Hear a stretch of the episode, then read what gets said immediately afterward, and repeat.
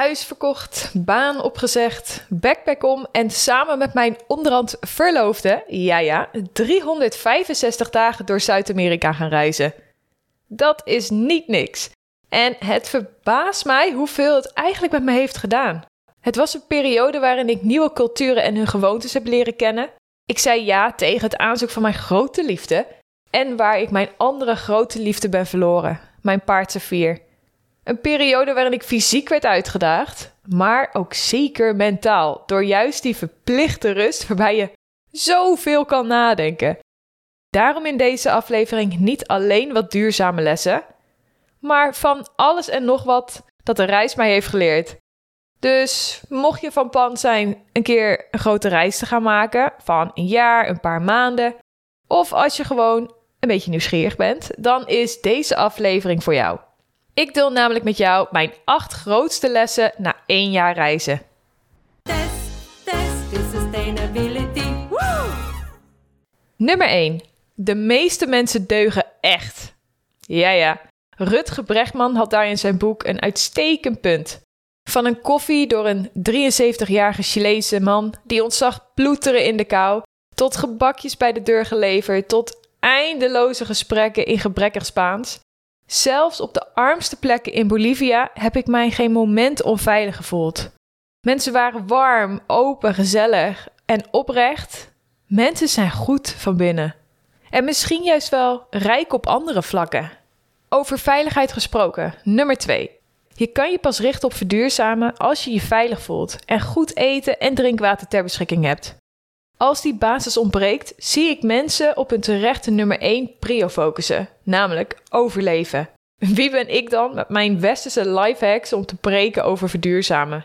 Daarbij heb ik ook gezien hoe onze keuzes in het Westen levens in de wat minder ontwikkelde landen bepalen. Denk bijvoorbeeld aan grote stukken land en jungle dat gekapt werd voor oliepalmen voor westerse producten. Dus mijn grote les: blijf focussen op mezelf en hoe ik mijn eigen voetafdruk kan verkleinen met mijn acties in Nederland. Nummer 3. Durf los te laten, Tess. Oef.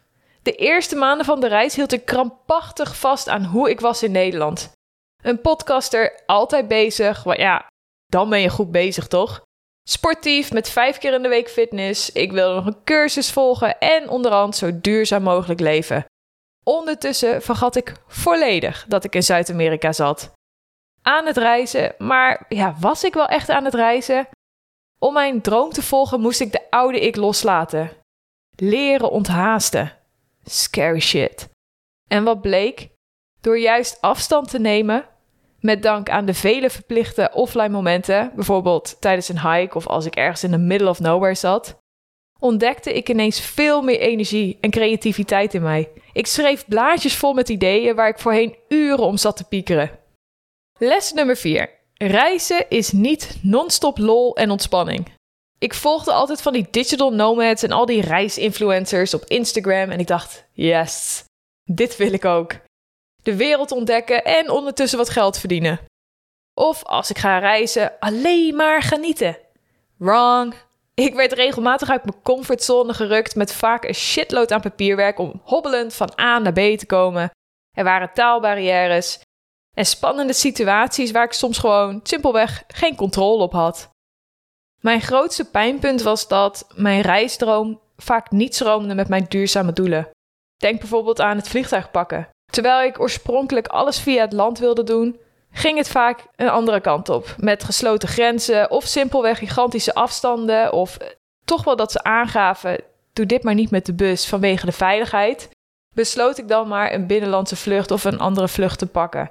Toegegeven, dat heeft me soms wel een traantje hier en daar gekost. Les nummer 5. Terug naar de basis gaan geeft mij de meeste rust. Oké, nee. Niet die krakkemiddige camper met min 6 graden in Patagonië. Dat was geen succes. Maar slapen in een hangmat, douchen met een emmer water, opstaan met de zonsopgang en kamperen op een vulkaan na een hike of in de Copper Canyon tijdens een trektocht te paard. Het was onbetaalbaar. Als ik ook terugdenk aan wat waren de highlights, de mooiste momenten, waren het vaak die meest simpele momenten waarbij we niet zoveel hadden. Comfortabel, dat was wel even een ander verhaal. Nummer 6. Europa is geweldig. Om op zo'n afstand te zitten, kon ik pas inzien wat een luxe we hebben door zo dicht in de buurt van alles te zitten.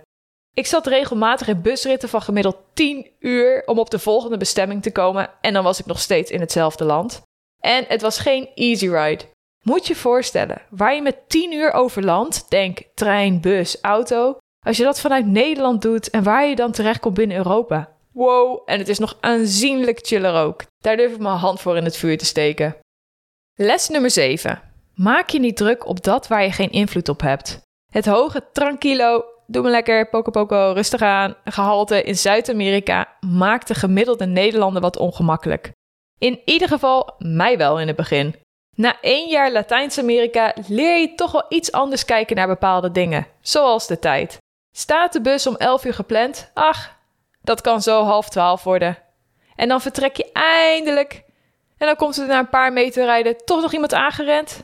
Ah joh, dan rijden we toch even in zijn achterrijd weer een stukje terug, zodat deze persoon ook mee kan. Uiteindelijk kon ik hier gewoon om lachen en besloot ik niet meer aan tijden te denken. Ik moet toegeven, dit is wel weer even wennen eenmaal terug in Nederland. En ik betrap me erop dat ik de laatste paar keren ineens te laat ben aangekomen op dingen. So not me. Of toch wel? En als laatste, les nummer 8. Gun jezelf af en toe die bewuste, niet duurzame keuze. Als het je echt, echt gelukkig maakt. Een gelukkig mens kan namelijk zoveel meer geven.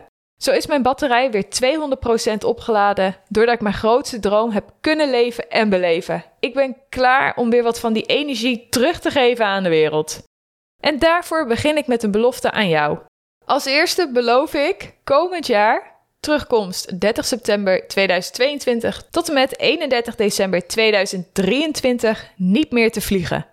Nou, dan uh, hoor ik je misschien even denken: het, uh, een jaar, poepoe, dat compenseert toch niet met de grote reis? Klopt, maar elke stap is er weer één. En voor mij is de wereld ontdekken zo'n groot dingetje dat ik eerst een jaar zonder vliegtuig reizen ga testen.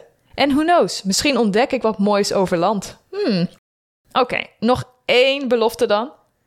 Ik beloof dat ik nog meer toffe, inspirerende content ga maken, zodat jij, ik en iedereen die dit hoort vaker nog een extra groene stap gaat zetten. En dat was het. Het was het echt. De laatste update over mijn grote reisavontuur. Het was een bijzondere ervaring. Echt een droom die uitkwam. En met dit avontuur afgestreept kijk ik uit wat er in Nederland weer op mij staat te wachten. Kan je in ieder geval één ding vertellen? Seizoen 6? Dat gaat er zeker aankomen. Hou de podcast in de gaten en volg mij ook op TikTok en Instagram om te zien hoe ik mijn leven in Nederland weer opbouw. Tot de volgende aflevering. Test.